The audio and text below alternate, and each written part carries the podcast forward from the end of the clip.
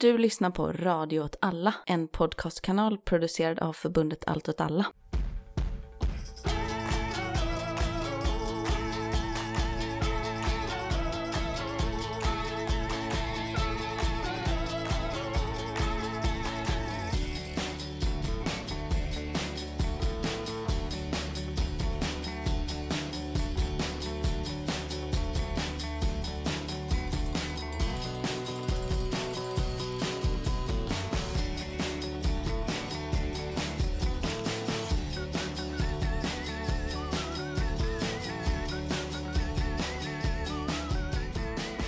Hej, välkomna till Eld och rörelse, Udda krig och perspektiv med mig Martin Hansson. Och med mig Myran Andersson. Idag är det, det är sommar.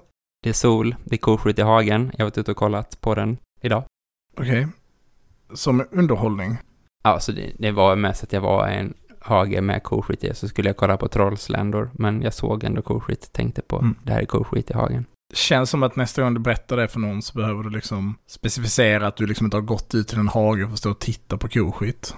Mm. Det finns ju en del av entomologin som är väldigt mycket att kolla på koskit. Det är när man håller på med dyngbaggar. Just Då det. ska man ju ta koskit, gärna med sig hem och blöta upp i vatten så simmar alla skalbaggarna upp till ytan så samlar man upp dem. Jättespännande, det finns jättemånga olika spännande skalbaggar i koskit. Ett riktigt skitjobb. Ja, kan man säga.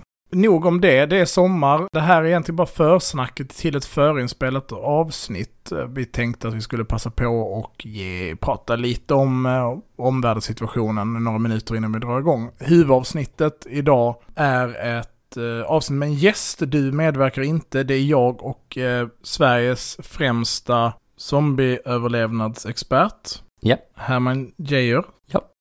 Och eh, han och jag pratar zombiekrig. Eh, så stanna kvar för att lyssna på det. fantastiskt eh, ämne just i det här eldrörelses sommar. Högt och lågt liksom, vi blandar. Precis. Jag tycker faktiskt att det blev ett väldigt bra avsnitt. Så det är högt.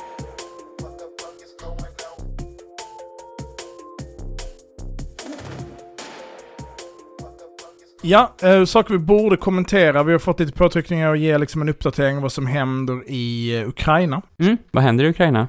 Ja, jag tänker att det som händer i Ukraina är ju att kriget har ju sedan ja, två månader tillbaka övergått till att vara liksom ett rent utnötningskrig och väldigt lite någon typ av manöverkrig. Och det är ju en väldigt, det är ju liksom en materialsport om man säger så. Och det är kanske den typen av krigsföring som Ryssland är mest bekväma att föra och det tycker jag vi har sett resultaten av. De tar mark men det är inga, det är inga snabba framryckningar utan det är väldigt systematiskt.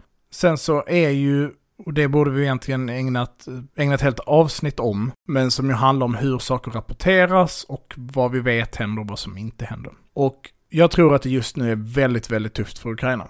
Jag tror att de tar väldigt stora förluster. Och jag tror att de har svårt att strida effektivt på grund av bristen på krigsmateriel. Det är lite det de kommunicerar med, va? att de säger att de här tunga vapnen vi har fått av väst är jättebra, ni måste ge oss mer nu för att vi ska kunna fortsätta. Ja, och så det handlar ju om en sån absurd mängd granater som avfyras varje dag. Från Ryssland eller från båda sidor? Från båda sidorna, men att Ryssland kan liksom då skjuta 6-10 gånger fler varje dag. Ja, för att de har bara fler artilleripjäser eller det handlar om Ja, och granater tror jag. Okej. Att ja. de kan strössla på ett annat sätt. Och det ger avtryck. Vad är det? Är det liksom att det är gammalt sovjetiskt material som man bara har liggande, att man har oerhört många granater liggande som man kan skjuta nu? Ja, precis. Det är väl framförallt eh, två kalibrar. Jag ska se om jag kan dem i huvudet. Men det ena är ju 122 mm. Och det är ju deras liksom medeltunga haubitsar. Och det är liksom samma kaliber. Jag vet inte vad ursprungspjäsen heter. Men kan heta D30 kanske? Alltså som är i princip en andra världskriget pjäs. Eller efterkrigstiden pjäs. Som ju är liksom en kaliber som Ryssland använder, alla Warszawapakten-länder använder. Jag är helt övertygad att både Kina och Iran, Syrien och så vidare har det liksom som sin go-to-granat. Sen har de, vad är det, 154 mm som är lite konstig. Jag vet inte om den är typ 154,2 eller någonting. Som är liksom den andra, eh, den tyngre. Jag ska inte ta gift på om det är 154, det kan vara 152,4 också, men men det kan vi väl kolla upp. eh, Som ju har lite längre räckvidd och är lite tyngre. Och sen då kombinerat då med, med alla de här eh, olika raketsystemen som de har.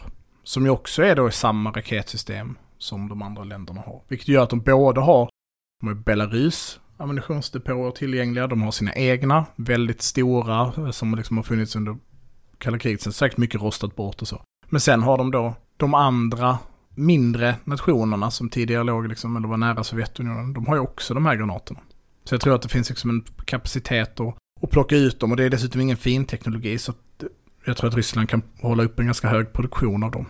Men det som Ukraina verkar göra istället med de här skänkta vapnen är väl att de precisionsskjuter med då?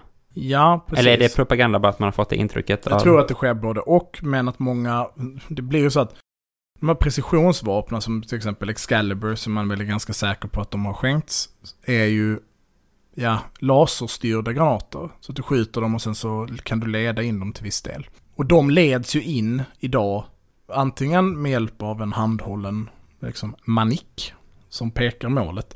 Eller då till exempel via en drönare.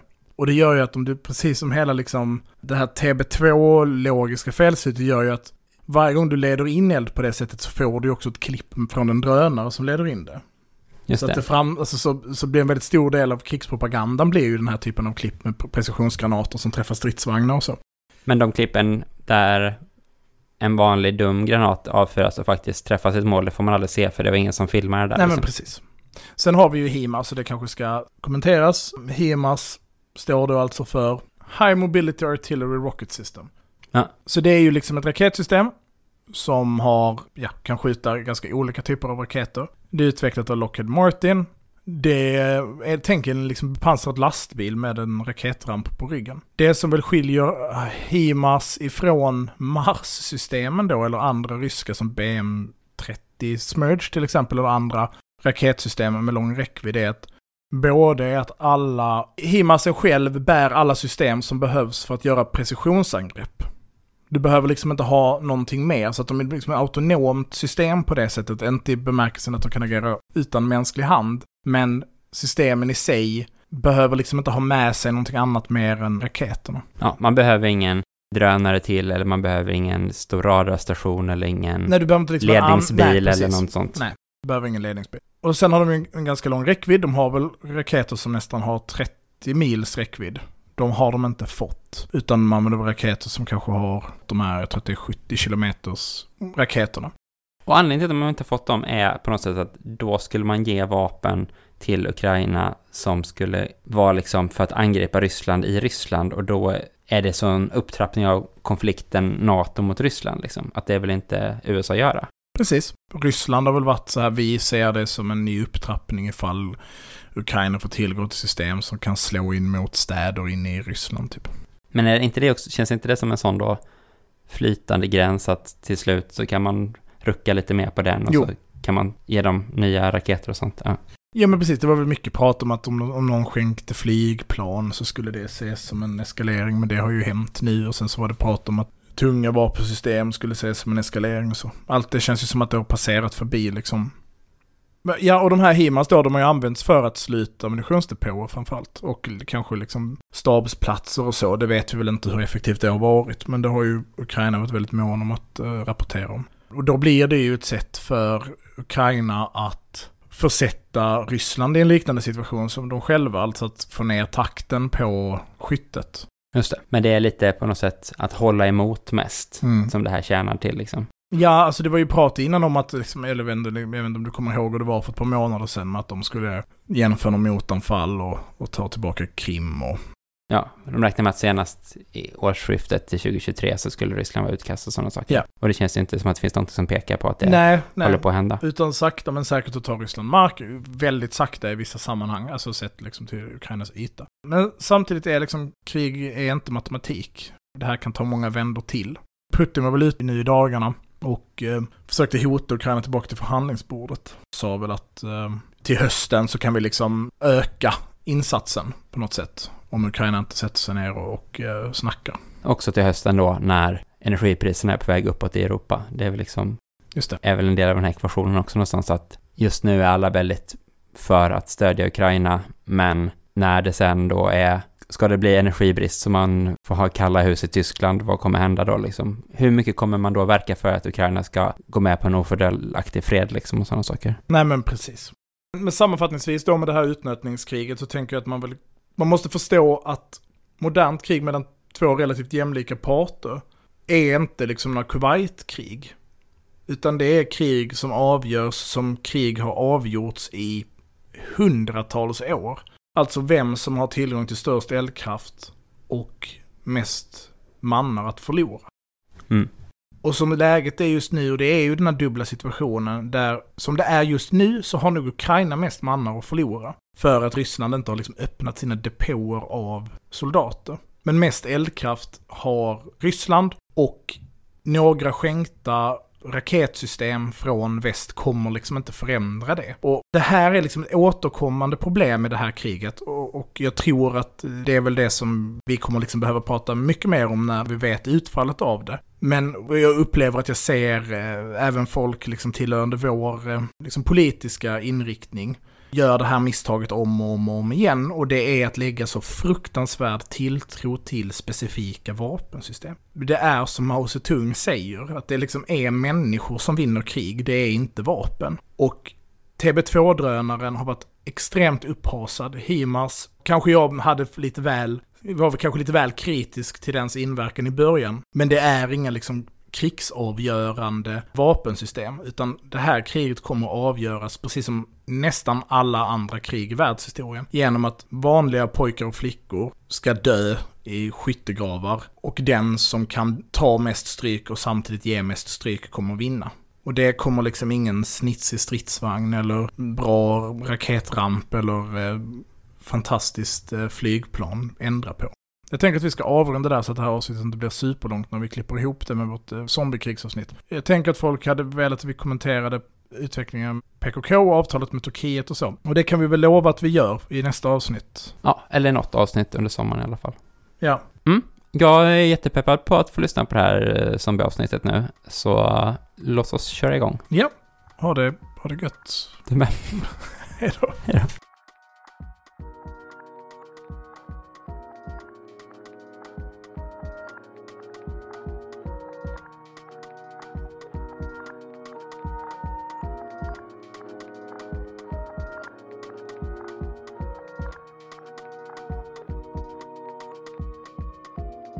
Hej och välkomna till Rörelse med mig Martin Hansson och med Herman Geijer. Hallå hallå! Så är jag rätt på efternamnet? Ja, du sa rätt på efternamnet. Gud vad skönt. Mm. Och det säger jag också udda krig och perspektiv nu när Myran inte är med oss. För han är på födelsedagskalas istället. Nu har vi ju, hade med dig ett avsnitt för oklart för hur länge sedan när vi, ni får lyssna på det här. Och eh, då pratade vi om eh, krishantering och beredskap. Och då sa jag att vi också skulle göra ett avsnitt om zombiekrig och krig och zombies. Så det är det vi ska, vi ska göra nu. Mm. Nu har jag också lurat ner dig till Malmö, så nu är du här och ska prata om det. Ganska bra ställe att vara på. Jag tänker att man sitter i en källare. Mm. Vi sitter verkligen i liksom en liten bunker nu. Det Mm. finns ju ett vapenskap här runt hörnet till Ja. exempel. Vi ska gå och titta på det sen.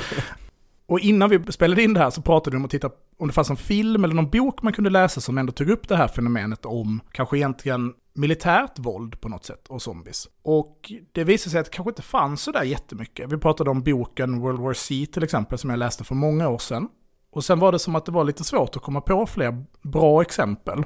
Bra exempel, precis. Det finns jättemånga dåliga exempel med olika typer av militärer som ska göra någon sorts, liksom, olika operationer i, i ett zombieinfesterad värld på olika sätt. Och framförallt i bokgenren så finns det väldigt mycket. Och då är det ofta gamla typsoldater som har så här skrivit zombieberättelser i dagboksform. Men det handlar väldigt mycket om olika typer av vapen och vapenvård och eh, alltså militära fordon och sånt där. Så det, det finns en del.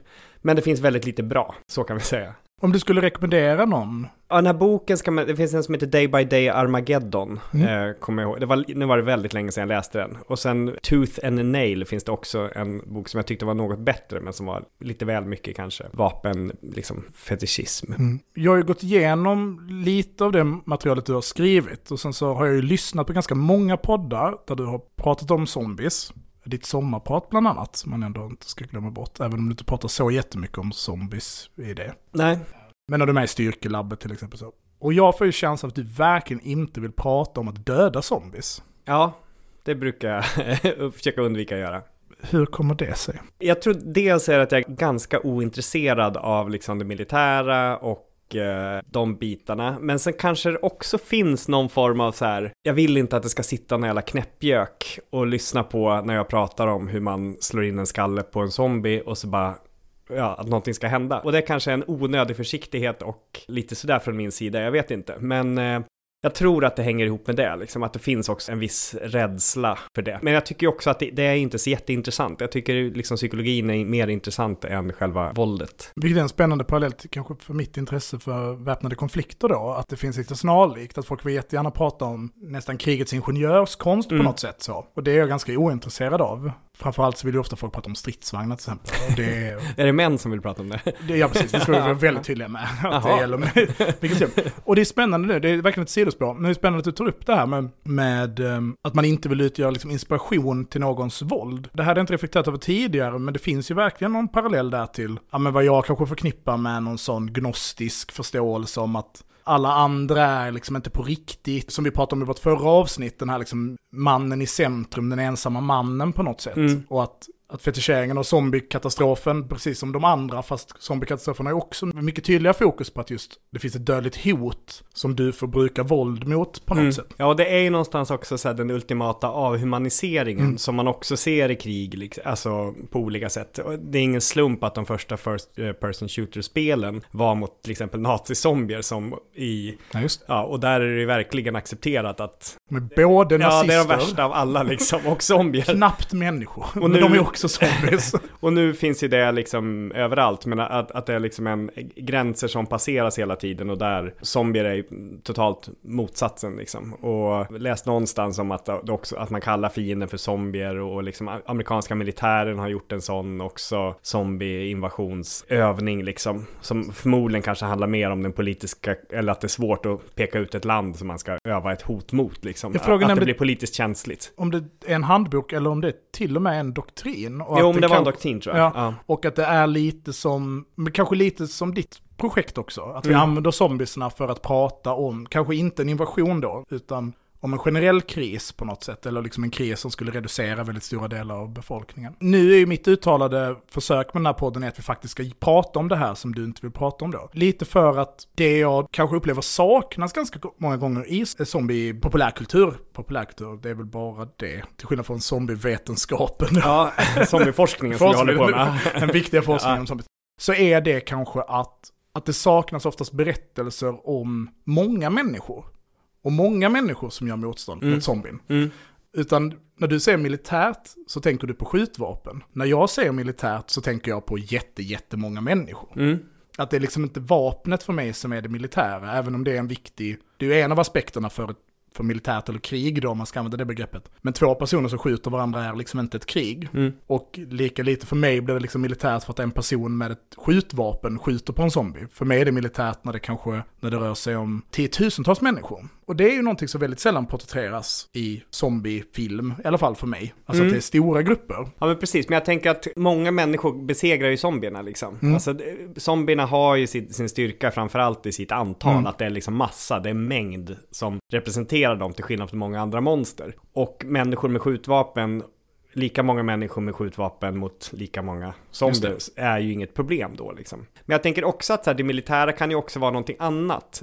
Då tänker jag till exempel på en film som 28 dagar senare Mm. om du har sett. Det är nog min favoritzombiefilm. Om det är en zombiefilm. Jag kategori, eller som zombieöverlevnadsexpert. Just det, som Sveriges så- ledande zombie.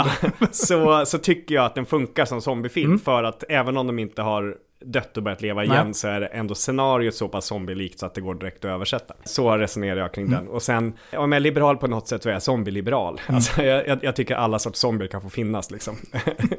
I, för att de representerar olika saker. De ger olika typer av stämning i en film liksom. Snabba zombier ger oftast mer action medan de långsamma är mer av skräck liksom. Att det, det blir olika karaktär på filmerna beroende på vilken zombie man har. Men i en sån film som 28 dagar senare så är det militära ganska centralt i hierarkierna och i löftet om framtid också tänker jag liksom och den helt manliga gemenskapen som finns där. Det finns ju en aspekt av det militära som inte bara är jättemånga med jättemånga vapen utan det finns också en, en militär struktur. Men 28 dagar sen är ju väldigt spännande just för att den också behandlar, behöver inte recensera den i detalj, men den behandlar ju också så, eh, ganska tidigt i filmen så utgör liksom en person klädd i kravallpoliskläder räddaren. Mm. För att i slutet av filmen, eller i det sena skedet av filmen, och den riktiga skräcken kanske också börjar på något sätt, så är det liksom den soldaten som utgör liksom räddaren, men Mm. för att sen visa sig vara det riktiga monstret. Vilket är väl en ganska återkommande trope på något sätt. Mm. Det var egentligen människan hela tiden som var det riktiga monstret. Så. Mm. Eh, Nej, det är klart att det blir väl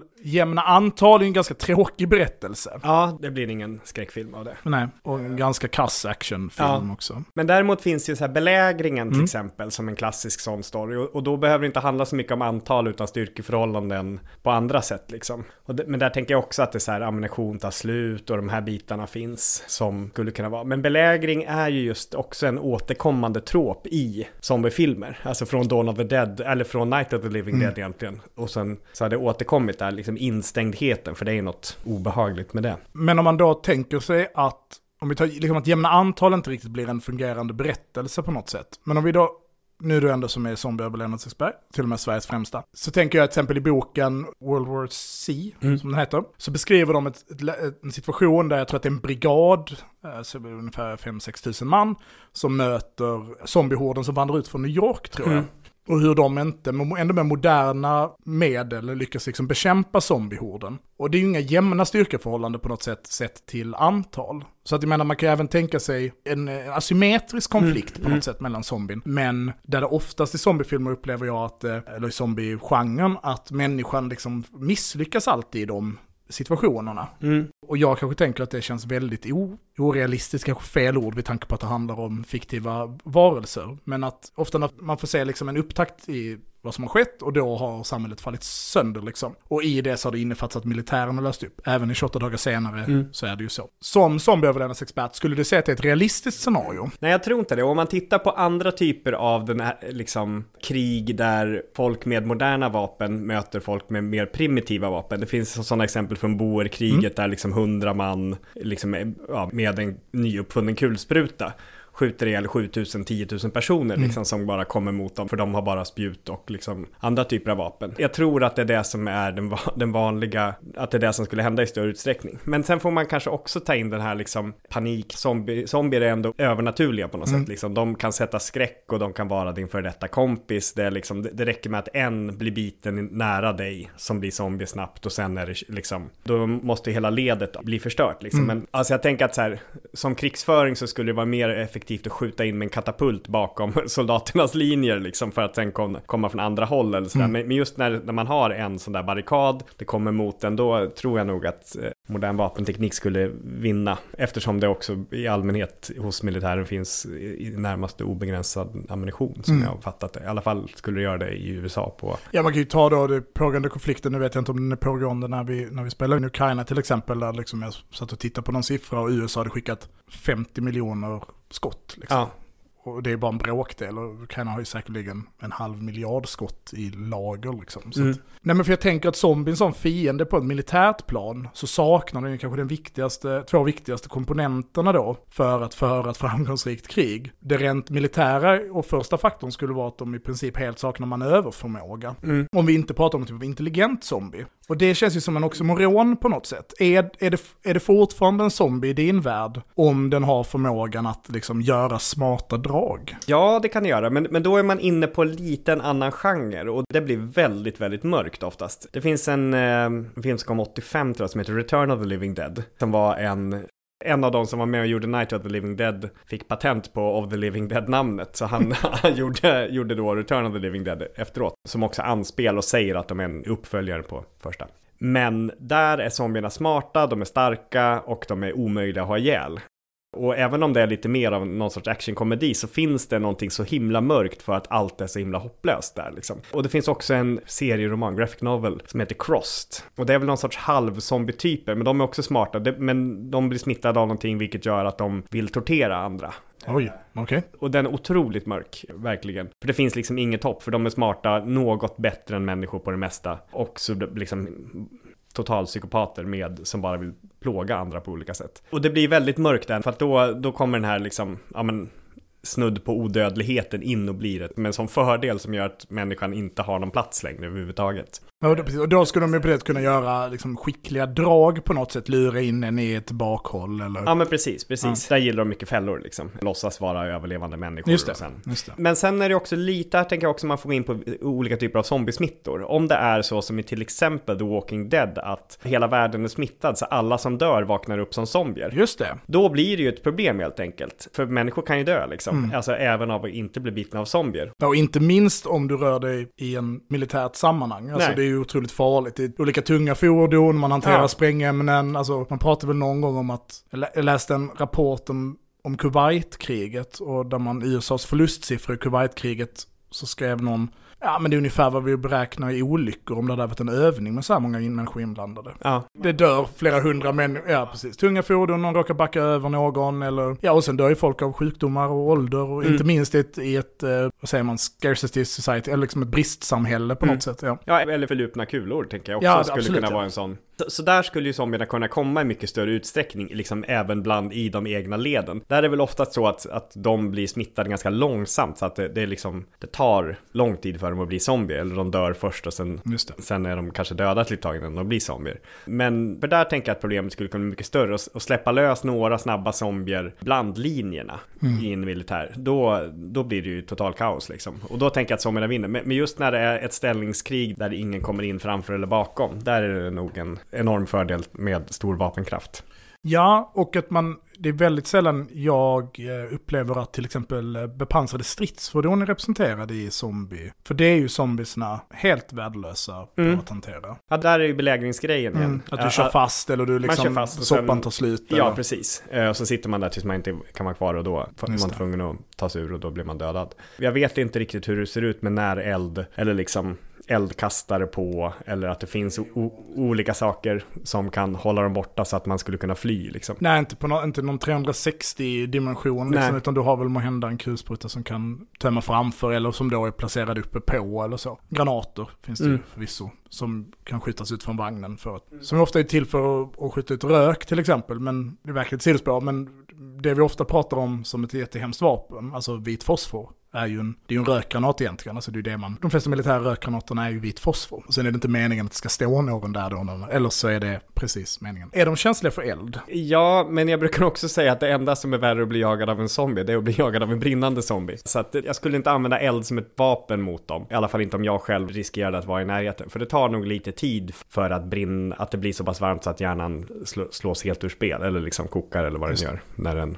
blir satt ur spel. Men å andra sidan kan man väl tänka sig att den här, vi beskriver, en- om vi tar den här Walking Dead-scenariot, alltså där alla döda på något sätt väcks till liv igen eller blir väcks till odöda igen. Så har man ju situationen att den här eh, militärens rigida struktur till exempel med liksom handlingsmönster, ganska avhumaniserade handlingsmönster där liksom, ja men när någon dör så gör du så här. Det är Mm. inte dags att sitta och sörja då, utan då följer du protokollet. Så då, då skjuter man den personen i huvudet och sen så, eller dekapiterar den eller vad det kan Mm. vara, eller så tänder du eld på dens kropp. Liksom. Det kan man ju ändå tänka sig att en militärstruktur ändå skulle vara bättre på att hantera. Mm. Jag tror vi skulle vänja oss ganska snabbt vid det i alla fall, att vi skulle så acceptera dödsfallet någonstans. De flesta, eller de som överlever länge i alla fall, skulle nog lära sig att det, det är så man måste göra. Att eh, det är inte en, en kännande, tänkande varelse längre, utan det är bara en sak som kan bli ett hot. Så jag, jag tror att i alla fall i långa loppet, om man kanske också inte tänker på att man skulle bygga upp ett samhälle igen som, ja men just nu i The Walking Dead så är det ju, i, i tv-serien då, så är det ju liksom, har de byggt upp ett, finns det ett samhälle med 50 000 invånare, där de flesta inte alls har kontakt med zombier och tycker det är jätteläskigt. Men det finns en militär som sköter de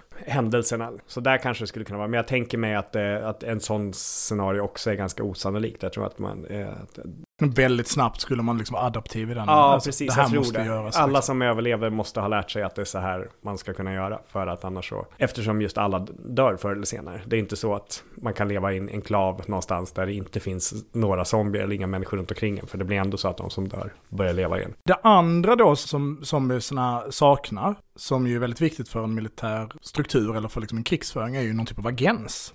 Alltså att man vill någonting. Å andra sidan så är de ju en extremt dålig förhandlingspart. För det är ju, krig är ju en förlängningen av en förhandling, eller det är ett verktyg i en förhandling. Och man kan liksom inte förhandla med den fienden. Nej, och det gör ju att, att det, man måste också liksom till sista zombie måste försvinna liksom. Ja, den take no prisoners på båda sidor liksom. Mm. Just det. För det går alltid då, just det, ska, om det skulle bli någon sorts zombieutbrott så vill jag bara uppmana alla, att ha inte några att forska på. Det har liksom aldrig gått bra. Det har aldrig gått bra i en enda Gör- film. Precis, det är någon covid-referens här. Liksom. men, men en sak som gör det fascinerande, som knyter tillbaka lite till det du pratade om tidigare, det är ju också att varför zombien är så kittlande för högerns förståelse av storskaligt våldsanvändande, om man får säga det, som en synonym till krig. Det är ju att det verkligen saknar helt politiska dimensioner i sitt inte i sin faktiska innebörd eftersom att jag tänker att zombien är en extremt politiserad eh, genre. Alltså att den, jag vet inte var jag har lärt mig det någonstans, men att liksom vampyren är, är aristokratins monster, varulven är maskuliniteten eller det agrala, alltså det agrala monstret, eller bondemonstret Ja, liksom. så blue collar work, alltså tänker jag att det är liksom arbetarklass. Ja, men eh, att zombien är då, alltså varulven är den agrala liksom, men Ja. att zombien är, det är liksom den urbana människans monster på något sätt. Trasproletariatet skulle jag säga. Alltså det finns väldigt mycket liknelser mellan hur människor, eller så här, överklassen beskrev de invällande människorna från landsbygden till städerna som blev någon sorts proletariat. Mm. Med hur zombier beskrivs. Det är den här Gustave Le Bons bok om massans psykologi till exempel, som Mm. kom i slutet på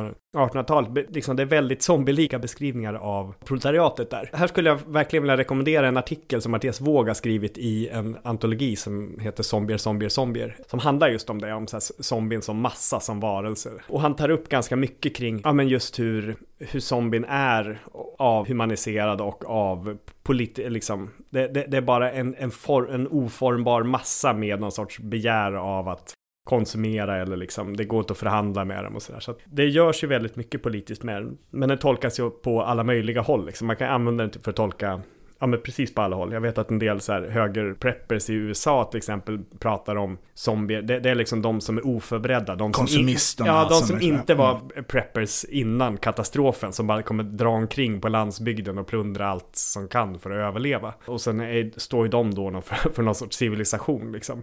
I den föreställningen tänker jag.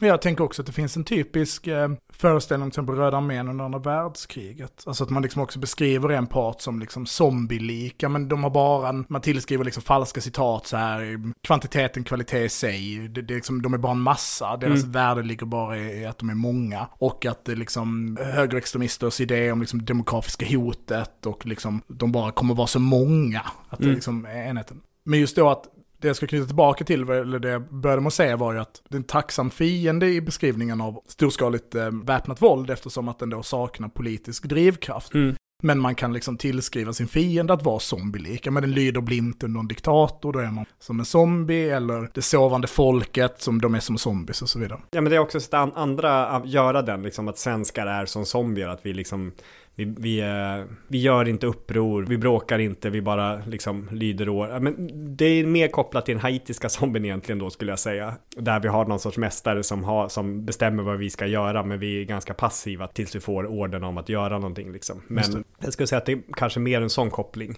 Ja, drogreferens är det också Ja, ofta. det man blir liksom också. zombie-lik i sitt Ja. sätt att bete sig, eller liksom man blir en zombie av droger och så. Ja, precis. Men om det är någonting som är genomgående, precis som jag sa i början, så är ju en genomgående sak att du inte vill prata om att döda zombies. Så nu tänker jag att vi ska prata om hur man dödar zombies. Jag tänker att vi måste börja med att etablera de- olika kategorierna av zombies då. Mm. Vi har ju nämnt den snabba och den långsamma, och nu har vi även, okänt för mig tidigare, men nämnt den intelligenta zombien kontra den tomma, Tomma, eller ja, begärsdriv, rent Ja. begärsdrivna Mm. zombien. Och det första är så här, är det bara huvudet som gäller? Är det liksom, Ja. eller väldigt stor kroppsskada som gör att de liksom inte är mer än ett huvud? I princip alla populärkulturella skildringar så är det bara huvudet som gäller. I, när man pratar om till exempel 28 dagar senare så är det ett rage virus. Så Mm. där är, ju på alla, alla, där är kroppen som vanligt liksom. Den kanske inte känner känslorna men, men skjuter den i hjärtat så dör den. Eller, eller den kan förblöda eller dö av törst eller liksom Mm. eh, hunger sådär.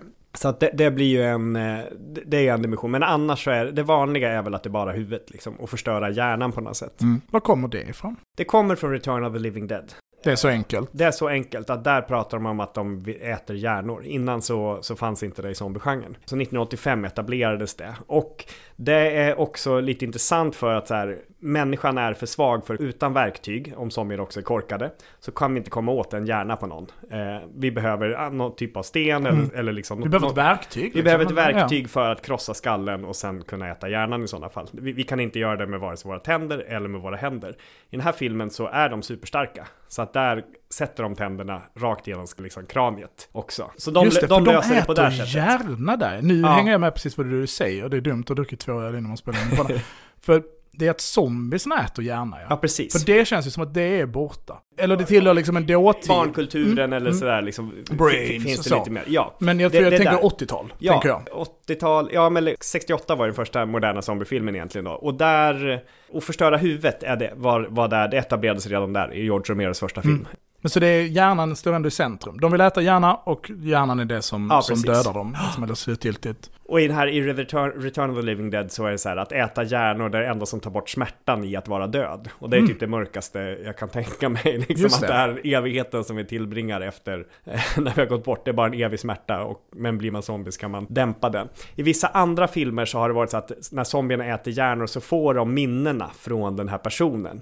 Till exempel i Romsom-kom-filmen eh, Varma kroppar, eh, men även In the Flesh så, så kan de på vissa sätt få, liksom få minnen av att de äter hjärna. Men generellt så är, ja, om jag ska svara på frågan, ja man ska förstöra hjärnan för att Mm. och då kommer vi också till problemet med att kraniet är väldigt hårt. För det var det jag tänkte att, det var det jag förstod först. Att du pratade om att det var zombiens begär. Ja, Just det, för att stoppa zombien måste du också vara människa på något sätt. Du Ja, behöver precis. liksom verktyget. ja man behöver verktyget eh, och vi behöver eh, Alltså ett ganska ordentligt verktyg, för kra- kraniet är, det är ju typ det hårdaste skelettet vi har tror jag. Alltså det är väldigt svårt att penetrera det med till exempel en kniv. Mm. Eh, det är väldigt svårt att liksom köra in en kniv rakt genom skallbenet. Det är liksom antingen und- underifrån eller genom ögat eller något sånt där. Eller rakt uppifrån. Jag tror att det också är Okej, okay. svårt eh, ska jag inte hålla osagt, men, men Just att också att det är lätt att man glider och liksom Mm, att det, det. det är väldigt svårt att åstadkomma det med en kniv. Tydligen. Nej, jag pratar inte om egen erfarenhet. nej, Nej. nej, jag har faktiskt väldigt lite erfarenhet av att förstöra skallar. Ja, vi kommer komma till skjutvapen, Mm. men även vid, det är väldigt vanligt vid eh, suicidförsök med pistoler, Mm. att man skjuter sig i tinningen och kulan inte penetrerar skallen och följer skallbenet istället. Liksom. Ja men precis. Och där är till exempel The Walking Dead ger ju en helt felaktig bild av, av hur man kan ha ihjäl zombier. För där är, där är det som att de kan slå igenom en zombies huvud liksom. Just det. Och då skulle ja, det, man kan tänka sig att det finns någon typ av för- förmultning av skelettet Mm. också. Eller någon, någon typ av det. försvagning. Känns osannolikt. Nu är inte jag läkare liksom eller så. Vi borde ha myren här känner jag. Han borde få killgissa om, om multning. Men jag skulle säga, lita inte på att det är så det är liksom. Utan eh, då får man nog tänka att man behöver liksom någon typ av ganska ordentligt våld som kan komma Mm. av, ett, av ett, en, en större sving liksom. Och, och då, då kommer vi till en annan typ av vapen, alltså inte knivar eller, eller små stickvapen utan antingen större krossvapen som släggor och kofötter eller baksida på yxor eller sådär. Det skulle jag kunna tänka mig, för man får rätt mycket kraft i den i sådana slag. Och fördelaktigt en liten eh, träffpunkt. Mm. Ett, ett verktyg som, som en liten träffpunkt. Som en, ska jag försöka komma på någonting som har det här. Men en, eh, En hacka kanske? ja men en hacka kanske Mm. ett bra exempel. Mm. Ja. Ja. Annars så är det väl tanken med att olika medeltida vapen som, eh, Ja men precis, men jag, men jag tänker också att så här, man måste ju få så rena träffar. Så, Mm. och jag, det det, glider. man märker när man bara man så här hugger ved, Mm. vad, vad skillnaden är beroende på vad man träffar liksom, eller så här hur, exakt hur rakt eh, det kommer. Just det. Jag tänker att ha någonting som rör sig mot den skulle göra det ännu svårare. Ja, för den andra dimensionen är ju hastigheten på, på zombien. Mm. Och där tänker jag att man egentligen kanske kan prata om tre kategorier. Den långsamma zombien, men som blir snabb vid någon typ av jaktinstinkt kickar in. Mm. Och den tredje som är generellt snabb, Mm. som jag tänker framförallt på 28 dagar senare, alltså som bara förflyttar sig som en människa. Mm. För det vi kommer komma till nu i det här samtalet, som jag då bygger upp för, det är ju att både i zombiefilm generellt, även om det finns undantag från det, och även då det du har skrivit, så är det att det alltid kommer ner till någon typ av närstrid. Att det är det som är det fördelaktiga sättet att strida mot zombien. Och man ska överhuvudtaget inte strida mot den alls, förespråkar ju du. Mm. Mm, I någon sån här krav maga-variant. Kan du springa, spring. Ja. Ja, så vi kommer komma till skjutvapnet. Det är dit vi är på väg. Ja. Vilket du aktivt inte, du säger i din eh, bok eh, Zombieöverlevnad. Zombieöverlevnad att man inte ska ha ett skjutvapen. Det kan man väl säga är din generella rekommendation. Ja, eller så här, är, är du inte van att använda skjutvapen i normala fall så ska du inte använda skjutvapen. Och då är det liksom så här, är du verkligen i en situation där du behöver, liksom, kan du springa, kan du fly Mm. så är det fortfarande mycket bättre. Skjutvapen, alltså då har du ju räckvidden på din sida vilket gör att du förmodligen också, ja, går att fly. Och då tänker jag så, om det är skallpenetrationen som är problemet, så tänker jag att det finns, det finns ganska många legala svenska skjutvapen och på en internationell marknad, och framförallt i USA, som finns liksom tillgängliga. Jag tänker på det med ljud, att du beskriver i din bok att det är liksom att vapnet låter mycket som är en av nackdelarna. Och det kan ju stämma i, i vissa vapensammanhang. Men du tänker inte att närstrid låter ganska mycket också? Ja, jag tänker att det låter ganska mycket mindre, de här knallarna. Jämfört med knallen. Ja, liksom. precis. Man skulle väl kunna tänka sig att man har ljuddämpare, men det tänker jag är svårt att få tag i i normala fall. Ja, det är ju helt lagligt i Sverige. Jag tänker att det... det... Till, näst, ja, till, till klass 1-vapen då är det ju helt lagligt i Sverige. Jag har ju ljuddämpare på mitt jaktgevär. Mm. Det är konstigt, man tänker verkligen inte att det är Sverige. Nej, det Att, känns att som du att får det- köpa en... Jag var osäker på om du var ironisk eller inte. Nej, det är helt Så, lagligt. Ja, Det är helt lagligt. Det är för Okej. hundens skull. ja, okej. Den, den har ju ingen hörsel på riktigt. Ja. Och nu tror jag det precis gick igenom en lag. Som, nu- de är licenspliktiga i Sverige, ljuddämparna. Nu tror jag de har slutat, nu är de inte ens licenspliktiga längre. Så nu får du bara köpa. Men hur mycket mindre låter det med när man skjuter med en, ett liksom, jaktgevär? med Inte en... så mycket mindre. Nej. Och det här är en ganska vanlig eh, film, ett ganska vanligt filmfel. Och det är ju för att det är inte egentligen i, det är inte knallen från geväret det är det som låter mest, utan det är ju knallen av kulan som går över ljudvallen som låter mest. Eller det också, gör också väldigt mycket ljud. Så att för att få riktigt, riktigt tysta vapen så måste du ha kulor som aldrig går över ljudets hastighet. Mm. Vilket ju då är det man kallar för subsonic-kulor. Och här kommer problemet då, för när jag satt och funderade på men vilket skjutvapen borde man ha om man ska skjuta ihjäl zombies? Så först gick jag igenom massa olika riktigt militärvapen och mitt första tips då är en så RPO, alltså en Strikt sett i svensk terminologi är det en eldkastare, men det är för att det vi tänker en eldkastare egentligen heter en eldspruta i Sverige. Men Eldspruta är ett väldigt töntigt namn, så vi kallar det för eldkastare istället. Som helt enkelt är en raket man skjuter och sen så detonerar den och så blir det en vakuum. Det det är ett termobariskt vapen som våra frekventa lyssnare då har hört. Det tänker jag är väldigt effektivt, för att någorlunda nära den zombien så finns det liksom ingen zombie-scen. Alltså det, men det kan man ju inte få tag på. Då får man ju åka till Ryssland Mm. och gå med i ryska män. Och det tycker jag känns dåligt av andra skäl. Mm. Det är kanske att det blir att eh, the cure is worse than the, the disease. Det visade sig att det var människan som var det riktiga monstret. så då är det så här legala vapen och då var jag inne på att ur ett överlevnadsperspektiv, och det här är ganska stort i USA, så är det, finns det ett, ett, ett vapen som heter en 1022, vilket är ett den skjuter kaliber 22, det är ett väldigt liten kaliber. Och enligt eh, en del filmer på YouTube så kan man penetrera en skalle med en 10-22. Jag är skeptisk, och framförallt på större avstånd tror jag att det är väldigt svårt. Men det är ett lagligt vapen i Sverige, den är halvautomat, man kan köpa ett trummagasin om man vill i Sverige. Ljuddämpare är dock fortfarande lite svårt för det får du inte ha. Och, då, och du får köpa underljudshastighetskulor, alltså subsonic-kulor även till din 1022. Men då tror jag verkligen inte de kan penetrera en skalle. För att det är ju det som händer när du, anslagskraften är ju hastighet och vikt Mm. liksom. Så att om du drar ner på hastigheten så även anslagskraften blir ju lägre. Så det ställer ju till det lite. Men fördelen, för jag tänker att ett stort nack, en stor nackdel med zombiedöda skjutvapen är ju att du vill ha väldigt mycket ammunition. Du vill inte att ammunitionen ska väga så mycket. För då måste du ju bära runt på jätte- jättemycket ammunition. Och där är ju 1022 smart, för det är ju liksom, ser ut som ett... Så jag tror att i USA tänker man liksom lite på det som ett luftgevär. Liksom. Att det är något ens 10-åriga barn kan få skjuta med. Ehm, I Sverige är det ju då klass 4, så du får skjuta Är det ett, eh, vad man kallar salongsgevär? Ja, men ett salongsgevär är Ja. säkert kaliber 22. Mm. Och du kan, i Sverige får du jaga kanin men inte hare med det, bara så att vi, man får en idé om hur... Har den är mäktig. ja, men precis. Du får skjuta lite fågel och sen med den. Men för att vikten av ammunition är ju ett jättestort problem i många av, av de här eh, populärkulturella, populär, säg det igen. I zombie-idén liksom, så är det att du ska röra på dig, mobilitet är ju, rörelse och eld är väldigt viktigt liksom. Och då kan du inte ha 50 kaliber liksom, som, som väger ett par kilo om, om du ska ha liksom ett, några, några magasin så. Utan du måste kunna röra på dig, då vill du ha en väldigt klen kaliber. Precis. Vilka egenskaper tänker du är viktigast för ett skjutvapen, förutom att de kan penetrera skallen då? Ja, men jag har suttit och tänkt lite när du pratar och jag tänker att så här, i vilket syfte? Är det så här när man normalt bara är. Alltså att man typ är en, som det ofta är, en liten grupp överlevare som rör sig från ett ställe till en annan. Då behöver man ju resa lätt liksom. Det Mm. går inte att ha med sig så mycket grejer. Men om man är kanske ute på ett uppdrag att man ska liksom rensa en, en lagerlokal där det kan finnas massa supplies, då skickar man in dem som, och med bara vapen och de som kan hantera det. Eller om det är att man har en större bas eller en community där man bor, då handlar det om försvar mer. Och då kan det komma liksom väldigt stora. Så att jag, jag tänker att det beroende på vilken situation man är så måste det också finnas olika bra vapen. Och det är lite det som blir att det, det finns ju inget av de här vapnen som passar alla situationerna. Utan det är vissa som funkar i vissa lägen och andra funkar i andra lägen. Så tänker jag. Just det. Och att om man skulle ha en sån här bas så kanske man skulle ha ett lager med olika typer av vapen för olika situationer. Beroende på om man ska gå ut och göra ja, men ett uppdrag eller om man ska bara resa någonstans. Då kanske man föredrar att vara lättrörlig eh, snarare än att ha med sig en M60. Ett av de få vapen som jag kan namnen på. För jag såg Rambo när jag var liten. Just det. En kulspruta helt enkelt. Ja. Precis, för det blir också tillgången till drivmedel här blir ju viktigt. Ja. Hur länge har vi tillgång till drivmedel vid en zombie? Alltså jag tror, eh, så vitt jag fattar det, så ju högre eh, grad av renhet bensin har, desto kortare livslängd har den. Fan vad bra för Sverige då, som precis har spett ut sitt drivmedel.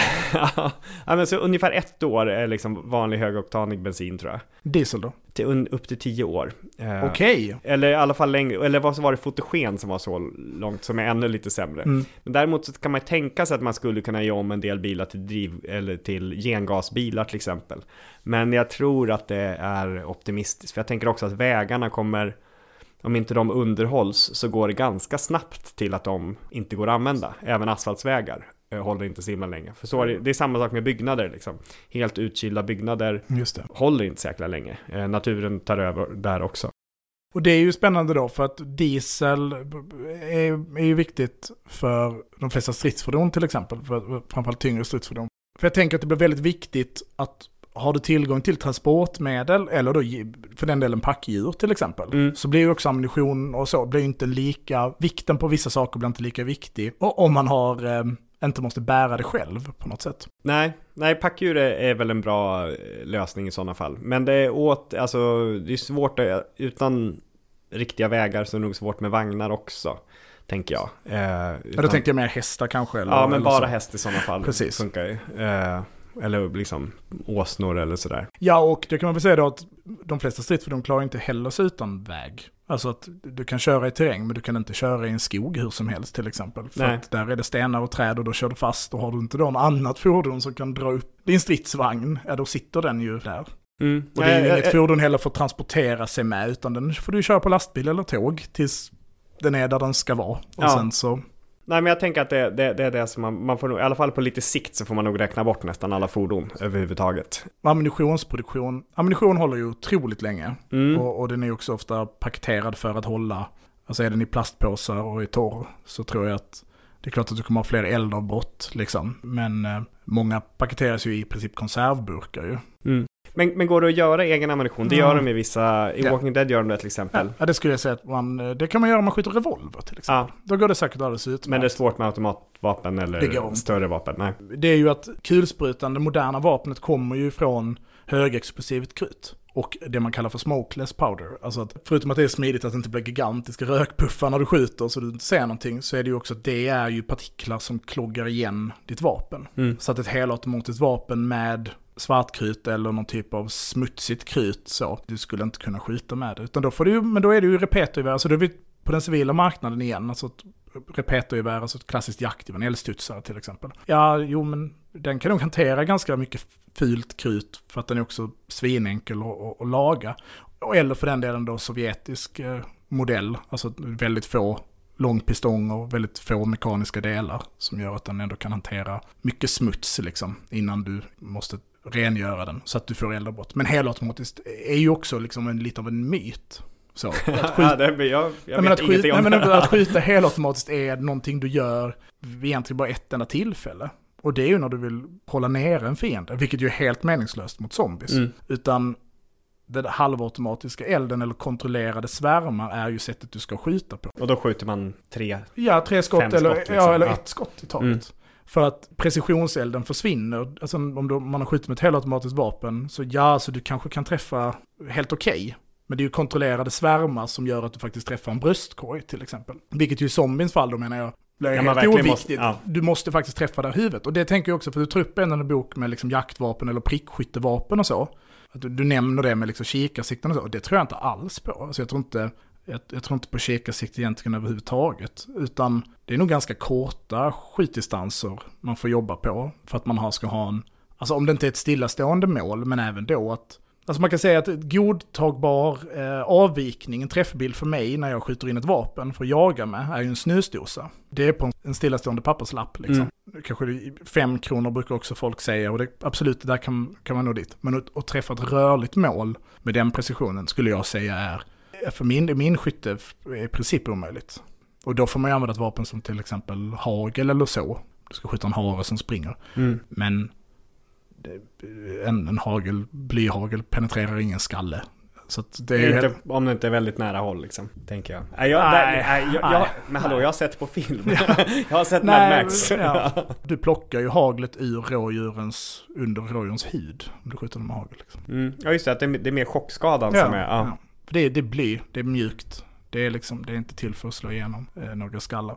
Men så att jag tänker även liksom att på långa distans, att liksom, eh, på lång distans att ligga med ett prickskyttevapen, ja men det kanske du kan göra för att plocka av några zombies, men både att det är extremt liksom tidsödslande, så tänker jag att det är egentligen reflexskytte man är ute efter. Och då är det ju ganska nära distanser för att du liksom ska ha en träffbild som är på, den, på en godtagbar nivå då mot en zombie. Så du börjar närma dig att vara emot skjutvapen igen här? Nej, men jag menar på 50 meters håll till Ja. exempel. Och då tror jag att de är ganska god precision. Och då vill du inte skjuta automateld, utan då vill du skjuta en, alltså en full metal jacket, en, en stålkula. Helmantlad. eller- Helmantlad, tack. Det är du som... Du, kommer klippa bort det här. Helmantlad. en helmantlad eh, kula.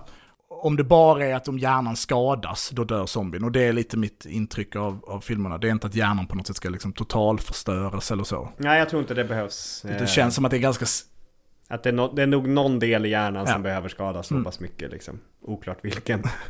Och ett ganska lätt vapen tänker jag att du behöver ha också.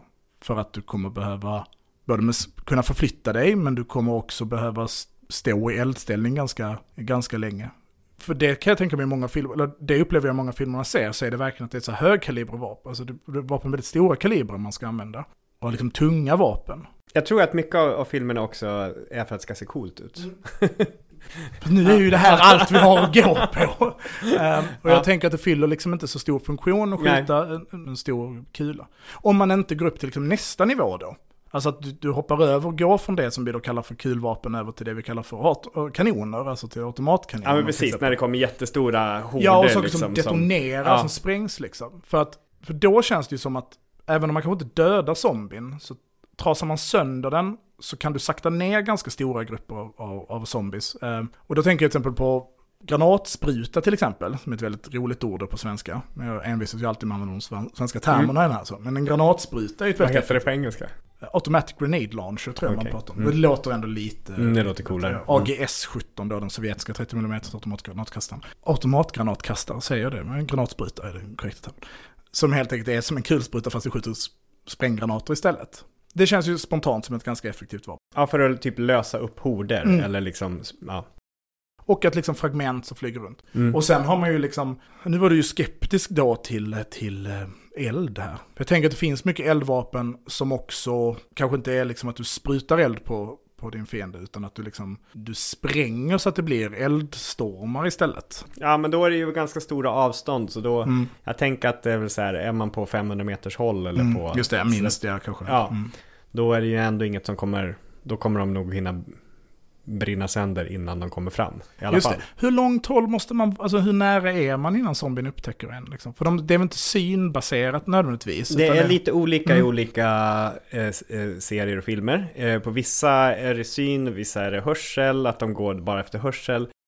I andra fall verkar det som att de på samma sätt som vi kan känna lukten av död lite grann, liksom, eller så här, att lik luktar så känner de lukten av liv. Eh. Så att det är någon typ av luktsinne liksom, eller någonting, någon sån. Ett femte sinne som uppfattar... Ja, eh, Eller förmodligen ett sinne som vi har men som vi har avvaktat. Alltså jag tänker att vårt luktsinne är extremt underutvecklat Mm. för att vi, för, alltså vi skulle kunna använda det mycket mer, det finns mycket mer kapacitet eh, för människan att använda luktsinnet än vad vi utnyttjar för att vi, vi har gjort oss så beroende av, av syn och Men jag, jag, jag tror man får tänka att det är typ samma, de mänskliga sinnena som, som de utgår från. Liksom. Så att det, det är syn och hörsel som är de stora. Men nedsatt. Eller är det på grund av deras alltid, intelligens inte, då? inte eller alltid. deras Nej, men jag, de, de hör förmåga? någonting och så rör de sig ditåt liksom. Och sen kanske de, en del får liksom lite så här blodtörst när de kommer väldigt nära. Då blir det en, en mer som en målsökare när de är, väl- ja, har fått vittring på Just det, det är då de blir snabba också då i många... Ja men precis. många. Så, så, så kan jag tänka mig att det skulle kunna vara. Ja, men om man effektivt ska bekämpa dem då? Alltså för att svensk kontext till exempel, så kan vi ta, vi befinner oss i Malmö just nu, 350 000 invånare ungefär. Hur stor del av befolkningen blir zombies vid ett zombieutbrott? Mellan tummen och pekfingret. Det beror på hur, hur lång tid det, tar Mm. såklart liksom. Men jag tänker att de flesta. Eh, och sen... Så 90 procent, eller Ja. 95 eller 99 procent? Ja men kanske en 99 då eller något Mm, sånt där. okej. Liksom. Alltså, de, det, är, det är väldigt få som överlever. Om, om, om vi utgår, om vi släpper verkligheten och, och, och, och, och, tänk, Nu i avsnittet släpper vi verkligheten. allt härifrån är bara spekulation. Tidigare har det varit eh, hårda fakta mest. Nej men då, då, är det ju liksom någon promille som klarar sig kanske, i alla fall eh, lite längre tag. Eh, och sen är det inte säkert alla blir zombier. Folk kanske får huvudet förstörda, en del kanske blir smittade och inser det och liksom förstör gärna på, gärna på sig själva. Eller så, ja, men säg att liksom 99% så att då har vi, nu ska vi inte försöka oss på huvudräkningen här, men, men det är Vi är tre- 335 000 zombier eller någonting. Då. Ja. Ja, precis. Men ändå 5 000 osmittade. jag tror att det är ännu färre egentligen. Okej. Eh, att det, Och så så det, det är inte så många. Vuxna och kanske Ja, vid god ålder. Ska jag vi säga tänk- jag tänk- 500? Men jag tänker många kommer också försöka fly eh, staden liksom, och försöka hitta skydd någon Men annanstans. om man inte tänker att Malmö är epicentret. Utan att det här varit liksom en... Det, har varit, Det börjar i Göteborg. Det- Såklart, för det är Ja. en svensk smitta. Ja. Och om det är någonstans, tänker jag spontant, det skulle börja i Stockholm. I. Allt annat vedervärdigt i det här landet. Men, men okej, det börjar i Göteborg. Så vi har en viss tid på, på, på beredskap liksom. Och att det har varit människor som slaviskt har liksom lyssnat på Sveriges ledande zombieexpert, de har lyssnat på dig, lärt sig allt, sen har de lyssnat lite på mig, så de har också skaffat lite vapen. Jag tänker att man på ganska kort tid, om man är hundra sammansvetsade människor, med tillgång till vissa vapen och tillgång till viss eh, militär kompetens, ganska snabbt hade kunnat bekämpa 300 000 zombier. Mm. Ja, jag är inte helt övertygad om det faktiskt. Alltså i sån, i, det skulle ju vara i sådana fall om man bara tänker att det finns, det kommer från ett håll, de kan inte ta sig in någon annanstans. Om man skulle tänka sig att man skulle Mm. så här, försvara ett kvarter eller liksom att man har, eller om man tänker att man ska försvara hela Malmö då. Nej, det tänker jag inte. Då tänker jag nog snarare att man behöver skapa liksom försvar i djup, man kanske också, och därför liksom flaskhalsar på något sätt. Och, och att man, det kräver viss tillgång till vill, viss typ av, av eh, materiell. Men det tänker jag också finns ganska mycket i en stad. Du, du nämner ju också där i din bok att det finns en ganska stor mängd eh, svenska vapenägare. Och vi har ganska mycket vapenbutiker. Alltså bara i en stad som Malmö med omnejd så kanske vi ändå pratar om en, en, en fyra, fem vapenbutiker i liksom olika, som ju har kopiösa mängder ammunition i en enda vapenbutik. Liksom. Så tillgången till ammunition då, som jag egentligen inte tillgång till vapen, för det finns ju. Alltså mindre i staden, men om man åker 30 minuter utanför Malmö och går in i ett slumpartat hem, så kommer det med störst sannolikhet finnas ett vapenskåp där. Som man kanske inte får upp i första taget i och för sig, i bästa fall. Men, Det, det är väl förvisso sant. Det kräver ju andra, andra verktyg. Det behöver Det ska vi inte prata vidare om. Nej. Nej men, men jag tänker att tillgången till vapen inte är det stora problemet. nej, nej det finns nog. Inte i en Eh, svensk kontext. Men, men däremot så tänker jag att så här, vad zombierna har är att de slutar aldrig komma. Vi behöver sova, vi behöver vila och när vi inte och jag tänker mig att så här, om, om det skulle vara, hur många sa du, några hundra personer, eh, så behöver vi liksom sova och vi kommer vara stressade, vi kommer, det här kommer vara jättejobbigt för oss. Eh, vi kommer fatta dåliga beslut eh, någon gång och vi kommer, kunna få någon som dör runt omkring oss som själv blir en zombie i sådana fall. Så vi liksom måste gå och bära på hela det psykiska, liksom, det trycket. Fan, jag kommer bara in på det här hela tiden. Ja men du, du är här igen. Okej, men då måste jag säga, men okej. Absolut, du har ju rätt. Det är en jättestor psykologisk faktor. Mm. Men till skillnad från väldigt många andra krissituationer som du pratar om, så är ju zombien också väldigt, det låter dumt nu när jag säger det, jag ska försöka utveckla det, men är en väldigt enkel krissituation på det sättet. Eftersom att den är direkt hotande. Mm. Och det är ju också vårt psyke i betydligt större grad rustat för. Mm. Alltså det långsamma utnötandet eller eh, det slumpartade, alltså alla de faktorerna, om jag, alltså bristen på KASAM på något sätt. Men jag menar, Men det här, det finns ett monster, Mm. det vill äta upp dig. Mm. Vi måste överleva från det. Eh, Vi måste liksom hantera den här situationen och sen får vi deala med liksom, och framförallt om det också är en grupp människor som i, på grund av att de har lyssnat på Sveriges ledande zombieexpert, är rustade någonstans. Okej, man har tänkt lite, man har tänkt igenom, man kanske har förberett sig för klimatkrisen, det visade sig att du hade fel. Det var inte Det kan klimatkrisen. vara klimatkris också. Oh, ja, det, det, Ja. precis, absolut. Men det, det är istället zombiekrisen som Ja. kommer. Mm. Ja, nej, men... eh, För det du beskriver att man inte får sova, att fienden istället, allt det där är ju rent militära situationer. Mm. Ja, men det är ju också så, ja, eh, Jo, fast jag tänker att där också så här blir man borttagen ibland, alltså man, man, man får permission, man, man gör andra saker från och till liksom. det, det är väldigt påfrestande att vara på, liksom i en frontlinje under väldigt, väldigt lång tid i sträck liksom. ja men då tänker jag till exempel att man kan titta på, på, på Vietnam. Mm, Och i amerikansk mening då utmålar nordvietnameserna som, som zombies. Så det är ett eh, fyrdimensionellt krig. Alltså fienden upplevs finnas överallt. Det finns inga säkra platser utan kommunisterna de kan angripa det var som helst. De kan begå terrordåd mitt inne i Saigon eller så kan de anfalla den ute på patrull i djungeln och så vidare. Jag vill understryka ironin i att jag beskriver eh, nordvietnameserna som zombies. Eh, om man har lyssnat på den här podden. Det här hoppas jag här inte är ditt första avsnitt som du lyssnar på den här podden. Det hade varit jättedåligt. Du har eh, en R&R under hela din postering. Alltså en där du får åka iväg och begå sexuella övergrepp eh, i Thailand eller åka till Australien och, och ta foton. Det är vad du liksom förväntas göra under liksom i hela din, din tjänstgöringstid. Du, du får ett riktigt avbrott från upplevelsen av att hotet finns lite överallt. Det finns ju någon liknande, alltså det finns ju någon likhet till det. Alltså i det asymmetriska kriget. Och det, i det konventionella kriget så är det ju verk, alltså då är helt med på din linje liksom. Men i en situation där du under ett års tid så kan du när som helst vara beredd på att hamna i en situation som eventuellt tar livet av dig. Det måste ändå likna lite det psykiska trycket. Eh, jo, men det gör det väl. Det, det, det tänker jag att det gör. Men där var det väl många som deserterade, folk sköt inte för att döda, i, i liksom att det, det, det var... Vanligare under andra världskriget dock.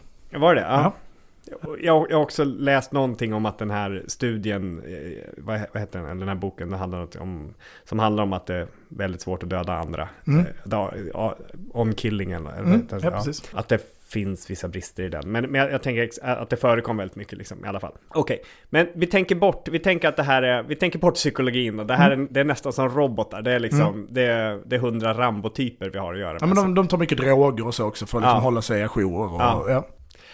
Ja men eh, kanske, men jag tänker också att, eller just det här, framför, framförallt kanske om, det, om vi är i scenariot att, att man måste bli biten för att bli en zombie. Då skulle det nog gå att hålla, alltså under en längre tid, hålla dem eh, borta och kanske liksom nedkämpa.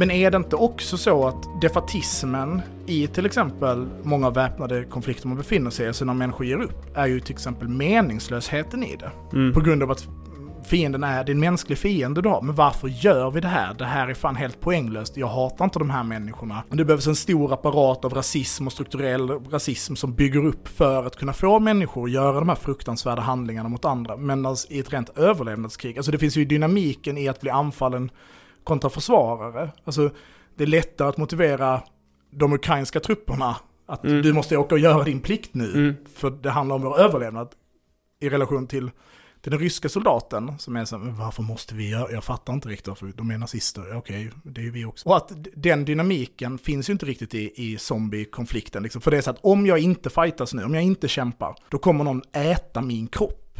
Ja. Det är klart att suiciden då kanske är närmre. Mm. Och det kan man ju se inom väldigt, alltså det är ett jättestort problem även inom svenskt eh, totalförsvar. Alltså innan vi nedrustade det så var ju självmord bland värnpliktiga ganska vanligt. Det kan man googla liksom bara motioner för att se hur man hade liksom försökt komma åt det. Och jag vet att i Turkiet till exempel på deras vapnet för deras värnpliktiga som håller alltså på att fasas ut, en G3 på många av de vapnen har de ju svetsat fast metalldelar på avtryckaren så att du inte ska kunna avfyra vapnet med foten till exempel, vilket ju bara handlar om att förhindra människor från att skjuta sig själv i munnen med det. Så man kan väl tänka sig att suicid är ju en risk. Att människor bara, jag pallar inte mer nu, det får vara nog liksom.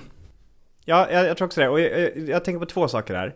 Eh, de, dels tänker jag på att också i överlevnadssituationer pratar man om, det finns en, en, eh, en psykolog som heter John Leach som har skrivit en bok som heter Survival Psychology och han har också skrivit en artikel om the won't to live. Man brukar prata om the will to live som att liksom så här, men, att också väldigt många människor, inte väldigt många, men en del, en del människor i sådana här extrema krissituationer bara stänger av, liksom slutar försöka förbättra sin situation och bara sitter och väntar på att ja, de ger upp liksom helt mm. enkelt allt och, och slutar agera överhuvudtaget. De blir zombielika. Ja, men nä, nästan så. eh, och, och, och det finns liksom, ja men också från berättelser från, från förintelseläger mm. också att de, en del människor efter ett tag så här bara, ja men nu, nu orkar jag inte längre. Och de dog ganska snabbt liksom efter det, eh, för, för, att de helt la ner. Så jag tänker att den biten finns, men, men sen finns det också så här, i ett krig så finns det alltid drömmen om tanken på att allt kommer kunna återgå till det normala sen. Just. När kriget är över så kommer jag kunna återgå till min familj och, och vi kommer kunna liksom ha, ja, jag kommer kunna leva ett normalt liv igen. I den här zombieapokalypsen så finns ju inte det. Det finns ju inte drömmen om det gamla liksom för att man inser att det, det, är vi hundra här som, eller som, som finns. Vad händer efter det? Vi vet inte. Alltså det blir en otrolig ovisshet i det liksom också. Som jag tänker eh, också skulle kunna få människor att ge upp i större utsträckning. Mm. Men å andra sidan så, så, så, kanske det, den känslan kommer när man väl har gjort den här plikten av att liksom klara av den här anstormande, de här zombierna som väller fram som vågor liksom bara. Ja men för att det kanske det jag spontant tänker också i hur det porträtteras i, i, i, i kulturen. Så porträtteras det ofta som statisk krigsföring. Medan det har ju väldigt lite med, rikt, alltså med modern krigsföring att mm. göra den är ju jättemobil. Men att om man om och om, om igen räddar fienden, minerar, gräver diken och håller på och liksom roterar den typen av, av eh, eld och rörelse, mm. då, helt enkelt. Så känns det ju som att du ganska snabbt, framförallt ifall du har tillgång till liksom Revingeheds garage och du kan få ut lite riktiga liksom stora pangare och så vidare, så känns ju 300 000 som en ganska överkomlig mängd mm. fiender att, att, att, eh, att bekämpa, även för en väldigt liten en liten grupp. Och, och, lite det här också med att vapen är farliga och så, som jag tänker på att du skriver i, i boken. Och det är ju självklart att vapen är, är jättefarliga. Det är inte det jag ska ta bort nu. Men jag tänker också att det kan vara viktigt att sätta i perspektiv hur lite utbildning människor har för att få hantera ett vapen i en väpnad situation. Mm. Och det kanske inte talar för, eller det kanske inte talar egentligen emot det du säger. Men att man kan ju tänka till exempel under första världskriget då, nu var det ju inte helautomatiska vapen på det sättet i särskilt stor utsträckning, så tror jag att British Expeditionary Forces, alltså BEF då, den eh, var den brittiska expeditions, eller brittisk brigad kanske de var, nej de var nog mer än en brigad, en kår kanske det var, som var i, i nordvästra Frankrike när första världskriget bryter ut. Det var liksom den enda styrkan i Europa i princip som fick skjuta, skjuta riktiga skott på sina övningar. De fick skjuta ett skott om dagen. För att man, det är liksom inte, ja det är farligt. Men det är också, en, det är verkligen bara ett verktyg på många sätt. Och med någon veckas utbildning, eh, eller med en jaktlicens, så är det väldigt enkla principer som gör att vapnet fortfarande såklart är farligt. Framför allt kanske i händer på ett barn, eh, vilket ju gör att det är därför det är så jävla viktigt med vapenskapen. Jag tänker för min del som vapenägare så är inte vapenskapet till för att det ska bli ett inbrott och någon stjäl mitt vapen. För det är en ganska osannolik händelse generellt att det skulle bli ett inbrott. Men det är ju att det finns ett system för att mina barn aldrig ska gå dit och pilla på dem. Är du med? Ja. Och för vapen är så här, men om du följer vissa enkla regler. När du håller ett vapen hanterar du alltid som att det är laddat. När du lyfter upp ett, alltså basic jägarexamen liksom. När du lyfter upp ett vapen så tittar du. Är det, ligger det? Är det ett mm. skott i loppet? Är det ett magasin i? Och innan du har gjort det, då går du ingenstans. Om du gör det på provet till jaktexamen, alltså att du tar upp ett vapen och tar ett steg, då är du underkänd. Då får du vänta med att göra provet igen, liksom. För det är det mest grundläggande. Du hittar ett vapen, du tar upp det, du kollar om det är laddat och oavsett om det är laddat eller inte så pekar du aldrig mot en människa. Pekar du mot en människa så är det som att någon skulle kunna slå dig med en pinne liksom. Det är liksom den, du, du tar inte din jägarexamen ifall du råkar göra det under träningen. Men det är också så attityden i ett jaktlag är. Eh, lägger du upp en YouTube-film där du jagar och du i en frekvens hade hållit en pipa mot en människa så hade folk skrivit är du helt dum i huvudet, vad håller du på med? Sen? Och den typen av kultur går ju att skapa. Och jag tänker till exempel att saker som är farliga för människor är ju eld till exempel, är ju en betydligt farligare faktor Alltså man ska hålla på med så här, uppvärmning med hjälp av att elda till exempel, eller få ljus. Så jag tänker att du är lite så här vapenskeptisk även på en... eh, det var en lång uppladdning för en, eh, en eh, kort kritik. Ja, jo men jag är väl det kanske. Men det, det handlar ju också kanske lite om min bristfälliga kunskap. Och då väljer jag hellre att vara mer försiktig än, än, än inte. Så kan jag säga. Alltså jag, jag kan ju väldigt lite om vapen och, och då är det bättre att prata mindre om det än att hitta på, tänker jag. Ja, precis. För vapnet är ju också det oviktiga. Ja, jag precis, tänker att till exempel 100 personer med spjut, som jag då är mitt eh, återkommande för lyssnare då, att spjutet är närstridsvapnets Kalashnikov, som jag då brukar säga. Att det är, Är det, det- det, det bästa, dåligt? det bästa närstridsvapnet Ah, okej. liksom. Ja, Det är billigt att producera, det är lätt att hantera, det är lätt att utbilda folk, man kan slåss i grupp med det. 100 personer med spjut måste också vara ett problem för zombies. Förutom att jag tror att det är väldigt svårt att penetrera skallar med ett, eh, med ett spjut. ja det är nog jättesvårt. det är nog Ja. jätte, jätte, jättesvårt. Jag har faktiskt, ehm, om jag ska göra en bekännelse här, så har jag faktiskt vunnit. Jag höll på med live när jag var ung. Ja. En av mina karaktärer hade ett spjut och då vann jag den turneringen som var. Det var här en mot en envigar. Och då hade du spjut och jag de hade ett andra spjut hade... och de andra hade svärd. Exakt, jag säger ju det. Det är ju så här. Ja, Bara, du tar ett svärd, jag tar ett spjut, vi tar på oss varsin vit kostym och så ser vi vem som Ja. får en färgprick på den andra. Ja. Mm. ja, om ingen av dem kan hantera vapen så tänker jag att Mm. spjutet men det är vinner. Alltså om, om det är lika. Men om någon, någon kan hantera ett vapen på något sätt så vinner den som ja men det är lite det Kalashnikov-referensen är då. Kun- att det är liksom, kunskap går alltid före. Ja. men så Ja. är det ju. Mm. Jag tänker att vi ska avrunda här alldeles strax. Mm. För nu har vi pratat i snart en och en halv timme Oj. Om, eh, om, eh, om zombiekrig. Och jag har försökt att inte prata om... Inte du har, prata om vapen. jag tycker du har varit jätteduktig på att, att, eh, att... Jag tänkte att du försökte inte prata om grupppsykologi här. Ja. Jag tycker att du har varit duktig. Du har varit väldigt duktig på det. Nej, jag vet inte. Det finns liksom lite olika spår. Jag tänker att jag nästan skulle vilja återvända till det vi pratade om i början. Och vi pratade om i vårt förra avsnitt. Vi gick inte igenom det så noga, men som är den här maskulinitet, skolskjutarbilden liksom av, av zombies. Men jag vet inte riktigt, har du något bra Nej men jag tänker, alltså mycket av zombiekulturen som är, jag tänker att särskilt den tidiga zombiekulturen var ju väldigt mycket mer militärt präglad än Mm. den senare, och förlåt, den tidiga av den senaste vågens zombiekultur som startade 2002-2003 Just det. skulle jag säga. För då kom det ganska mycket böcker framförallt. Eh, många så här, i dagboksform och liksom skrivna på internet så här, till en början. Som var väldigt militärt fokus på. Och sen också, ja men var det liksom, av flera av de filmerna var det ganska mycket vapenfokus i de här.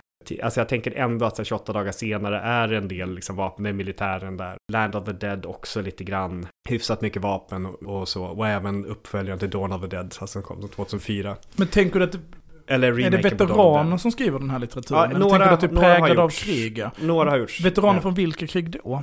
Det, det vet jag. Undrar, det måste väl vara något mellanösternkrig, alltså från... Eh, Antingen är det ju då Kuwait, Ja, men det är ju tidigt 90-tal. så an, det- antingen är det väl det kanske, eller så andra som har varit på andra typer av... Ja, eller har man ju fredsbevarande insatser Ja, i Kosovo precis. till exempel och i, i, från Jugoslavien och så. Ja, så jag, jag, jag tänker att det kommer ganska mycket därifrån liksom. Och sen under 80-talet så fanns det ju också en del liksom sån här pang pang zombiefilmer. Men det var ju också, det var ju mer, alltså Romeros det där Day of the Dead som ofta man pratar om som en, så här, en kritik mot det militärindustriella Mm, komplexet. Liksom. Den, det, det var ju en annan tid där också som var liksom post-Vietnamkriget och det var liksom jättemycket trauman i. Så att det fanns inte så mycket där ändå liksom. Nej, och det är ju spännande på det, det vi varit inne på tidigare, att det är också väldigt spännande att Vietnam inte i samma utsträckning används som backdrop för den här typen av berättelser. Nej. Och det tror jag är för att på grund av, eller till skillnad ifrån hur man avpolitiserar talibanerna till exempel och avpolitiserar eh, Baathpartiet och liksom det panarabistiska projektet så blir ju också ens fienderna mycket mer innehållslösa på ett sätt som man inte kan göra med Vietnam. Eller liksom för Vietnam är så mänskligt. Alltså Mm. för det handlar om tankar och idéer och viljor och, och så. Så kan man vara så här, men de var proxys för Sovjet eller proxys för Kina. Men man får ju vara bra dum i huvudet för att inte se en egen agens i deras agerande liksom. Medan om du skulle, man skulle fråga sig, men vad drev republikanska gardet Iraks armé under Kuwaitkriget. De flesta, jag har ingen aning. Pengar kanske. Alltså det, det, fanns också, en, det, fienden var också dödare på något sätt. Eller det var de ju såklart inte, det var ju människor med känslor och agens och allt så. Eh, Men jag menar hur, vi, hur soldaten förstod och hur vi förstod det. Mm. Eh, vilket också finns närmre i, i zombie apokalypsen. Och inte minst idén om fienden som så underlägsen är en. Mm. Finns det, också en, det finns också en skillnad i det, liksom att det är klart förlustsiffrorna för ett namn talar ju sitt tydliga språk, men jag tror inte man betraktade dem som, det var ingen walk in the park på något sätt, som man då kanske Kuwait eh, föreställer sig att man beskriver Kuwait eller... Nej, Nej, och man vill väl ogärna föreställa sin fiende som överlägsen sig själv. Och, Ja, och då det- har man ju ofta problem Ja, precis. med moralen. Ja, eh, och det är det som också är ganska, eller liksom just i de här berättelserna, som t- eh, ser i tidningen Crossed då till Mm. exempel. Där, är, där fattar ju de att de är underlägsna liksom. Och det gör ju också det hela, alltså de fattar att motstånd är nästan lönlöst. Det, det är Mm. nästan ingenting de kan göra. Det blir så mörkt av det liksom, av vad det gör med de här stackars överlevande människorna som försöker hitta någon sorts gnutta hopp men aldrig gör det. För zombierna är ju på många sätt, alltså även om de är mindre sårbara än, än människor så är de ju lätta att lura liksom. Om man återkommer till hjärnan så brukar jag säga det, lär, lär mina barn att hjärnan är det viktigaste vapnet mot zombierna. Ja, och att liksom... Eld och rörelse är också. Men, precis, det är det viktigt. Jag skulle faktiskt säga att det gäller ju även i, krig Ja. generellt. Liksom. Att välutbildad och eh, vältränad personal och typ har ett eh, hög generell eh, utbildningsnivå i ett land Mm. också visat sig vara en riktig framgångssaga. Och att, att den här typen av hypermaskulinitet som ju många berättelser i postapokalyptiskt eller zombie-genren, den typen av maskulina ideal som lyfts fram där, är ofta ju gigantiska problem för en fungerande grupp, även i en stridssituation. Liksom. Mm. Ja, verkligen. För att den andra parallellen, när vi pratar om de här 5000 personerna eller 500 personerna, så finns det ju många upprorsgrupper som ju har överlevt mot jättestora krigsmakter. Mm. Trots att de inte har varit överlägsna i sitt antal eller haft överlägsen eldkraft. Mm. Alltså, vi kan väl ta PKK som ett exempel eller Hezbollah som ett annat. Som ju på pappret skulle ha väldigt svårt. Alltså hade man tänkt det som ett dataspel så hade det ju varit ganska solklart vem som hade vunnit eller som en matematisk formel. Medans på grund av sin agens och, och, och, och förståelse av det, liksom, den politiska dimensionen av konflikten. Men även då rent militärt. Det, PKK är ju fortfarande inte bekämpat. Mm. Och menar deras odds måste ju vara sämre än 500 glada amatörer mot eh, 300 000 zombier. Nu jag inte, vill jag inte utmåla turkiska soldater som zombies, men, men förstår du vad jag menar? Mm. Jag tror att den är den lilla sammansvetsade gruppen som också har förståelse för hur en grupp fungerar. Var, var du på? Jag är på väg, nu är du, jag ser du, du skiner, du skiner upp här. Yes, jag vann. Jag vann. Har, eh, har liksom gigantiska fördelar. Mm. Och att man ofta, alltså det är klart att man vill berätta bra historier och då finns det vissa återkommande saker. Men jag tror verkligen att, att just det som gör oss till människor, att vara i grupp och kunna vara en grupp och vara adaptiva och lösa situationer. Och att är man en grupp med väldigt hög adaptiv förmåga så är det ju väldigt sällan att man har en stark ledare till exempel. Den typen av grupper uppvisar ofta en sämre adaptiv Mm. Än adaptiv förmåga. Ja, jag, jag tänker ofta på Kuba där som exempel. Liksom, Mm. De var ju under 100 man som landsteg. Liksom, och sen ett halvt år senare så hade de, tog de Havanna. Med lite hjälp av Kubas befolkning. Ja, jo, jo, jo men precis. Men, men det, det var väl en del av, liksom, jag tänker att det är också en del av anpassningen. Liksom, Mm. Att de hittade stöd och liksom skapade allianser och jobbade tillsammans med de grupperna som redan Mm. fanns men som de in, inte hade så mycket kontakt med innan kanske också. Alltså både, ja, både i städerna och på landsbygden. Ja, och att det som kanske, man, om man ska ha något avslutande ord, så kanske det väl också är så att i den här zombie, det är kul att vi pratar om det som en riktig kris, men i den här liksom zombiekrisen som växer fram så är det väl då snarare hotet är väl att man övermilitariserar Mm. konflikten med zombiesarna. Mm. För att då står du där och sen har man vunnit. Det är det jag sagt hela tiden! Och så står man där och så har man vunnit. Och så är det man har vunnit det inte värt ett jävla skit Mm. liksom. För att man har byggt en jättekonstig krigsherres logik för att hantera det här liksom. Mm. Men också att jag tror att krigsherren är en sämre, det är liksom en sämre sätt att, att bekämpa zombien. Mm. Utan att det är väl snarare att titta då på, på hur de här ganska små grupperna, det kan ju säkert gälla liksom elitförband eller så, nämnde jag det här ordet, förlåt, eh, specialförband.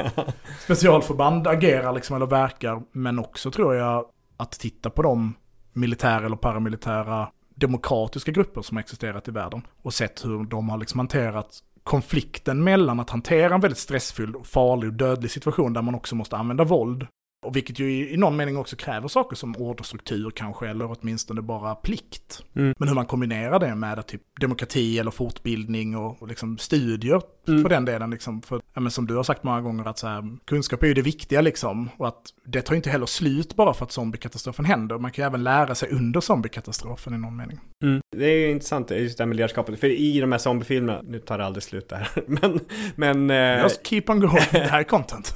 i zombiefilm, alltså, det, eller serierna kanske framförallt, så är det ju alltid de här starka onda Mm. ledarna som dyker upp som så här straffar alla. Så där. Jag tänker att det är inte jättesannolikt liksom, att, att det, det uppstår. Men det är en sån trop som vi har sett så många gånger så att vi tror att det blir så. Och att det riskerar kanske att bli mer självuppfyllande än vad det skulle behöva vara. Vi matas hela tiden av det här liksom, hur vi bara börjar lyda någon sorts idiot för att vi blir lite rädda. Det är inte säkert att det funkar så Nej. liksom. Men å andra sidan så kanske man kan se sådana tendenser. Vi har pratat om det i tidigare avsnitt, eh, bland annat ett avsnitt som heter Gevär som flygblad. Hur den militära processen också omformar vem, vem man är. Mm. Och gruppen också omformas på grund av att man förstår konflikten med zombies som en militär konflikt och inte som kanske en en överle- jag höll på att säga Ja. en social konflikt, men det har jag väl svårt att beskriva Ja. konflikten med zombiesna som. Men, det- men, det, men det kanske är sällan en militär konflikt med zombies för att de, de beter sig så annorlunda Mm. än vad normala fiender gör liksom. Utan man, och det är hela min tolkning av zombiegenren är ju också att det är